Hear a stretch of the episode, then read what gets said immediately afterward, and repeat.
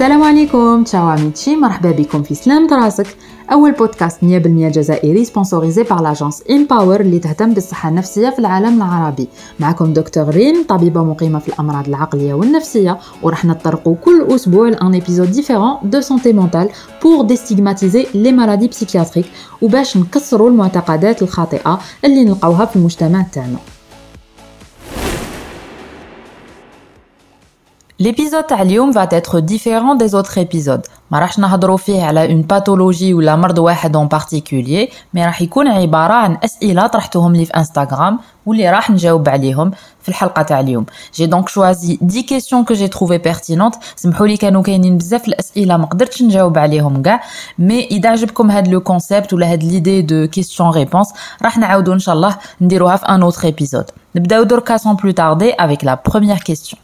Avez-vous recours aux analyses pour établir un diagnostic ou bien ce n'est pas nécessaire? alors, باش نشخصوا اي مرض عقلي لازمنا قبل نديرو des examens complémentaires, c'est-à-dire qu'on ne peut poser un diagnostic en psychiatrie sans investigation. Il faudra un bilan euh, sanguin complet, يعني تيارات تاع الدم, FNS, glycémie, bilan hépatique pour voir s'il n'y a pas de problème au foie, يعني مرض في الكبده, bilan rénal, bilan thyroïdien باش نشوفوا الغده الدرقيه لانه اي مشكل فيها يقدر يتسبب في اعراض عقليه. نزيدو تاني دي bilan radiologiques, يعني راديو تاع الراس comme une IRM ولا TDM cérébral et aussi un ECG باش نشوفوا اذا القلب راهو مليح باسكو certains médicaments ما يتمشاوش مع بعض الامراض تاع القلب كيما les neuroleptiques ولا les antipsychotiques avec les troubles du rythme cardiaque par exemple وهادو كامل لي زيكزامان ما نديروهمش باش نشخصوا مرض عقلي. نو لأنه الأمراض العقلية الصعوبة فيها هي أنها ما تبان في أي تحليل دم وفي أي راديو. مي ils sont indispensables. De 1 pour éliminer une contre-indication au traitement qu'on veut donner باش نعرفوا شنو هما الأدوية اللي لازم نتفاداوهم إذا نوتر باسيون عنده مرض في الكبد ولا في لا بروستات ولا في القلب مثلا. Et de 2 afin d'éliminer une cause organique يعني لازم قبل التشخيص نتاكدوا بلي ما كاين حتى مرض عضوي باسكو كيما قلنا كاين امراض عضويه تقدر تعطينا اعراض عقليه il y a énormément de maladies organiques qui peuvent engendrer des symptômes psychiatriques donc oui nous avons toujours recours à différentes analyses afin d'établir un diagnostic on passe maintenant à la deuxième question est-ce qu'il faut consulter après avoir eu un épisode dépressif euh, par le passé mais maintenant je vais bien alors la réponse est non, Ida Dorkaraki c'est tout ce qui compte, pas besoin de consulter ni psychologue ni psychiatre. Par contre, je tiens à souligner qu'on ne peut pas s'autodiagnostiquer ما نقدروش نشخصوا روحنا وحدنا. Possible مريتي بمرحلة صعيبة في حياتك et que c'était tout simplement une déprime. C'est possible aussi d'avoir souffert d'une autre maladie psychiatrique وانت بانت لك comme une dépression. كيما تاني قادرة تكوني tu as réellement souffert d'un épisode dépressif. حبيت برك نوصل هذه الفكرة. C'est très important de ne jamais s'autodiagnostiquer. Même en tant que médecin et pas seulement en tant que psychiatre, comme quand on a n'importe quel souci de santé, il vaut mieux passer le relais à un confrère médecin. Donc je déconseille fortement le fait de s'autodiagnostiquer parce que qui on perd toute objectivité et si en plus on n'est pas médecin, n'en parlons même pas. Troisième question, c'est quoi le rationalisme morbide et l'automatisme mental Bon ça, c'est une question d'externe en médecine qui est en train de faire le, module de psychiatrie Beina. Alors, هاد الأعراض نلقاوهم souvent dans la schizophrénie, يعني مرض الانفصام. نبداو le rationalisme morbide وشنو هو C'est une justification illogique, c'est-à-dire تبرير غير منطقي. المريض راح يعطينا تفسير ما عنده حتى معنى الحاجة دارها ولا n'importe quelle situation صرات. نعطيكم مثال par exemple il va nous répondre je ne sors pas de la maison parce que le ciel est plat donc ça c'est le rationalisme morbide. Il donne une explication qui n'a aucun sens au fait qu'il s'isole et ne sorte plus on passe maintenant à l'automatisme mental. C'est la conviction délirante que les actes et la pensée de la personne sont contrôlés par une force externe. يعني المريض يكون متأكد بلي كاين قوة تتحكم فيه تتحكم في الهضرة تاعو وفي الحركات تاعو et ça ça peut aller très très loin يقدر يقدر المريض يلحق يقول لنا القوة هذه راهي تعطيني في أوامر elle me donne des ordres elle me dit de me jeter par la fenêtre ولا قالت لي خلي الغاز محلول في الدار وما رانيش نقدر نتحكم فيها donc ça ça, peut vraiment devenir vite très dangereux pour le patient et pour son entourage. Voilà, grosso modo, c'est ça l'automatisme mental et euh, le rationalisme morbide. اذا واحد عام وهو داير ديبرسيون ومن بعد برا اسكو كاين احتمال تعاود تولي له هذيك الحاله Une dépression non traitée qui a duré une année peut-elle récidiver Bon, comme je l'ai dit juste avant, ما نقدروش نشخصوا روحنا وحدنا, je pense que ça c'est bon on l'a compris, mais نفترضوا صح عانينا من اكتئاب. باش نكون صريحة معاكم je me dois d'être honnête la dépression en général كاين un risque de rechute je dis bien un risque ce n'est pas un passage obligatoire يعني une personne qui a déjà fait une dépression par le passé a plus de chances de faire un autre épisode dépressif qu'une personne qui jamais دارت dépression في حياتها et c'est pour cela qu'on maintient notre traitement minimum 6 mois, pour éviter ce risque de rechute. Et vu qu'avec le traitement antidépresseur, à chaque fois on nous repose la même question,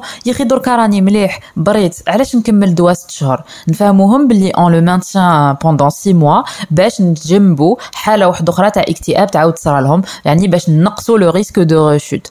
Du coup, malheureusement, ce risque augmente si la dépression n'est pas prise en charge. يعني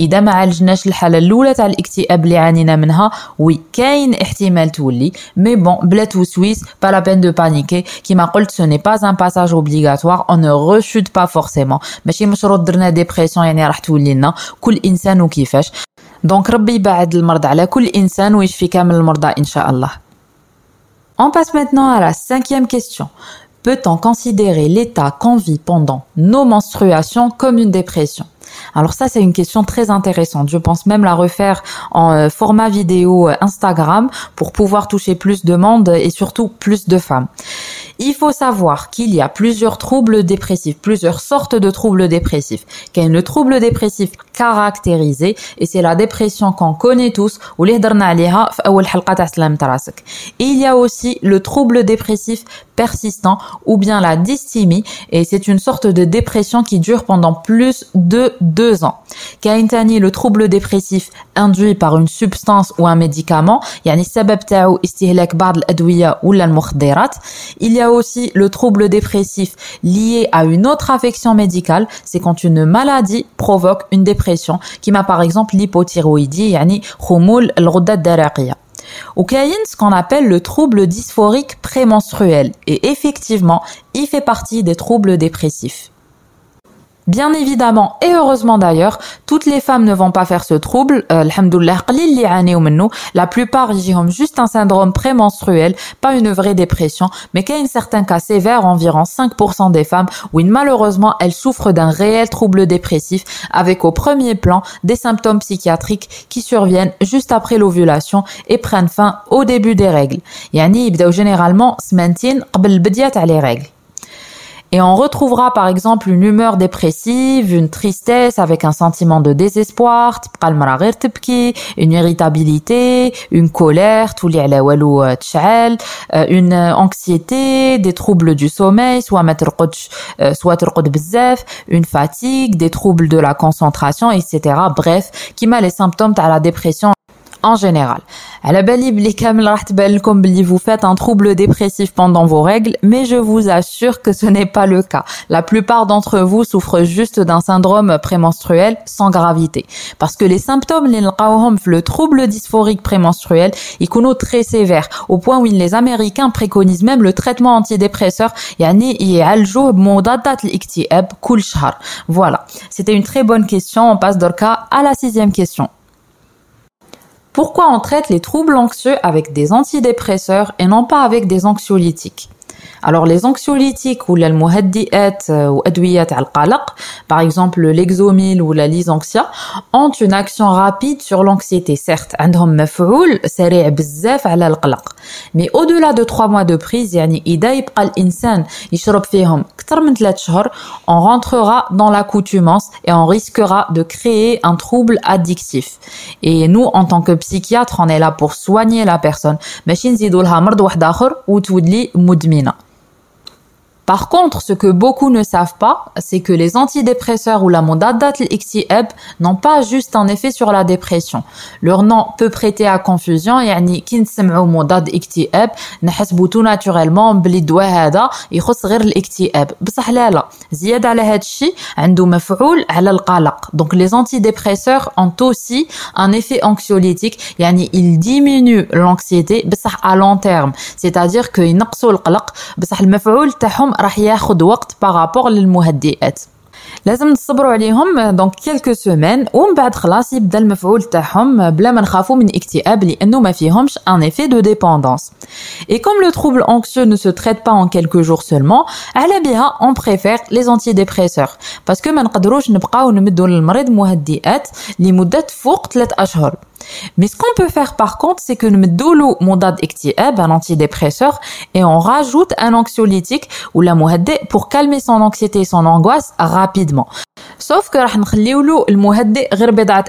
le temps que l'antidépresseur prenne le relais et fasse son travail. Parce que comme euh, euh, donc on va arrêter doucement l'anxiolytique, on juste juste l'antidépresseur. Septième question, très bonne question Haditani. Quelle est la différence entre le baby blues et la dépression postpartum et est-ce que ce sont les mêmes symptômes que toute autre dépression? Donc le baby blues et la dépression postpartum sont deux états psychologiques qui surviennent après l'accouchement, on est d'accord? Donc ils diffèrent avant tout par leur cause. Le baby blues a une cause physiologique qui est la chute des hormones de la grossesse. يعني الحالة هذه ماشي مرضية هي حالة طبيعية سبتها انخفاض الهرمونات تاع الحمل كي المرأة تزيد et par conséquent ما راحش تتحكم في les émotions تاعها un coup ça va un coup ça va pas sans trop savoir pourquoi à l'inverse, la dépression postpartum n'a rien de physiologique, c'est une réelle pathologie, يعني حالة مرضية غير طبيعية وين la cause تاعها تكون souvent une accumulation de plusieurs facteurs, une grande fatigue, un manque de soutien des proches ou là une solitude, يعني المرأة اللي تزيد possible ما تلقى حتى واحد يساعدها, un bébé difficile à gérer, etc. Une autre différence, il y a la durée. Donc euh, le baby blues euh, survient généralement dans les premiers jours qui suivent l'accouchement. À la Bihan aussi le syndrome du troisième jour. Il dure quelques jours seulement يعني يجي juste après زيادة وما يطولش par contre la dépression postpartum dure plus longtemps elle survient généralement entre le sixième euh, la sixième semaine pardon et les 12 mois qui suivent la naissance du bébé et elle dure euh, quelques mois donc يعني la dépression postpartum تظهر حتى السمانات الكثر بعد زيادة وتبقى للأسف المرأة تعاني بها pendant plusieurs mois il faut aussi savoir que la dépression postpartum se traite comme toute autre dépression. Par contre, le baby blues ne nécessite aucune prise en charge thérapeutique. C'est-à-dire que la dépression postpartum, ou le baby blues, mais parce que quelques jours, en ce qui concerne les symptômes de la dépression postpartum, ils sont semblables à ceux d'une euh, dépression euh, hors contexte de grossesse. يعني نلقاو نفس الأعراض اللي نلقاوهم في الاكتئاب اللي هضرنا عليهم في أول حلقة تاع البودكاست تاعنا. On passe maintenant à la huitième question, où il quelle est la différence entre la crise d'angoisse et l'attaque de panique alors c'est une question très fréquente qui revient souvent. Euh, il faut savoir que c'est la même chose. La crise d'angoisse est juste une ancienne appellation de l'attaque de panique. En gros, ça correspond à la même entité clinique. يعني juste dans le cas on utilise euh, plus le terme d'attaque de panique que celui de crise d'angoisse. هذا مكان. واش معناتها l'attaque de panique ou la نوبة الهلع c'est la survenue brutale d'une anxiété intense qui atteint son maximum ou le pic très rapidement, généralement en quelques secondes et cette angoisse ou هاد الهلع هاد الخوف ولا هاد الخلعه راح تبقى هكذا à son maximum pendant plusieurs minutes en gros euh, pendant 10 à 30 minutes sans diminuer et pendant cette attaque de panique, on aura bien sûr plein de symptômes.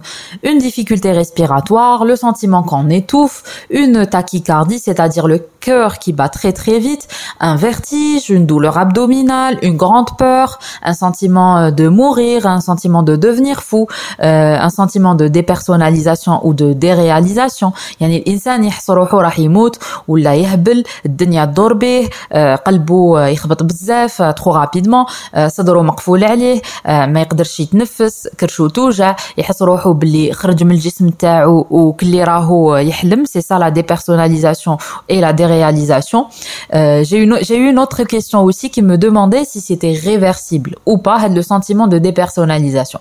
Je préfère y répondre directement ici. Alors oui, c'est réversible dès que la crise passe au bout de quelques dizaines de minutes et tous les symptômes dans ce sentiment de dépersonnalisation et il y aura à la place un très grand soulagement. Voilà, on passe donc à la neuvième question.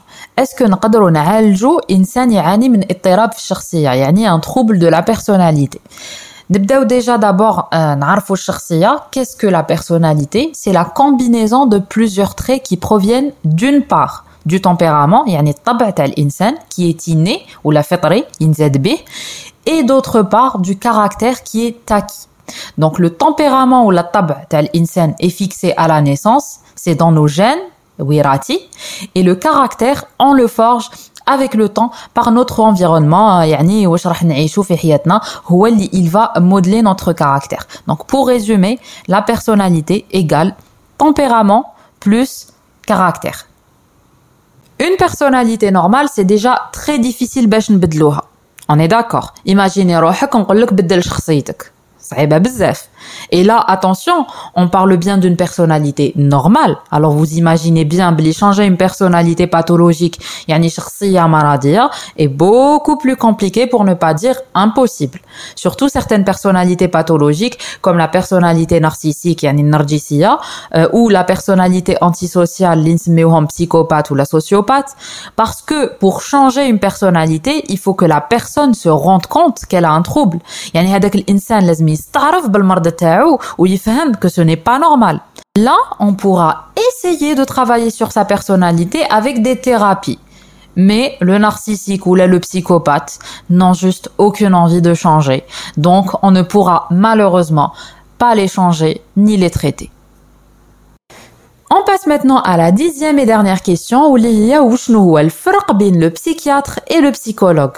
Alors, le psychiatre est un médecin de base, la médecine générale ou la طب pendant 7 ans ومن بعد تخصص في طب النفس en psychiatrie pendant 4 ans كاين بزاف لي psychiatres pour ne pas dire la majorité اللي يركزوا في العلاج تاعهم على الادويه يعني ils ne vont prendre en charge que les maladies mentales assez sévères oui, le patient ne peut se passer de traitement. Ou qu'il y a quelques-uns qui décident de se former en plus à la psychothérapie, yani ils des formations ta nafsi, qui m'a la TCC, thérapie cognitivo-comportementale. Oui, la formation dure en général deux ans et beaucoup d'autres formations comme le MDR, l'hypnose, etc. Bref, mais les formations ne font pas partie du cursus universitaire médical et psychiatrique. Donc le psychiatre devra les étudier dans des instituts spécialisés et il n'y a aucune obligation. Quant au psychologue, c'est un clinicien qui a eu sa licence après trois ans d'études ou la son master après cinq ans في كلية العلوم ماشي كلية الطب ماهوش طبيب نفسي du coup ما يقدرش يوصف الأدوية ويركز في la prise en charge تاعو على العلاج النفسي c'est-à-dire la psychothérapie. Il peut lui aussi se former en plus de ses études la TCC, la thérapie cognitivo-comportementale par exemple, sauf que euh, c'est malheureusement très rare en Algérie. Donc voilà, c'était ça la différence entre le psychologue psychologue et le psychiatre.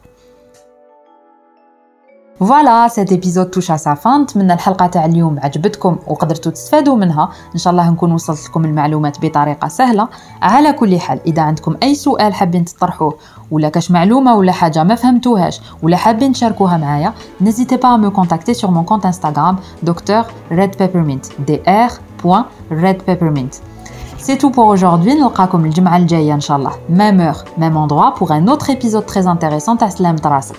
Merci pour votre écoute et votre intérêt. Tallah ou Feraskum ou.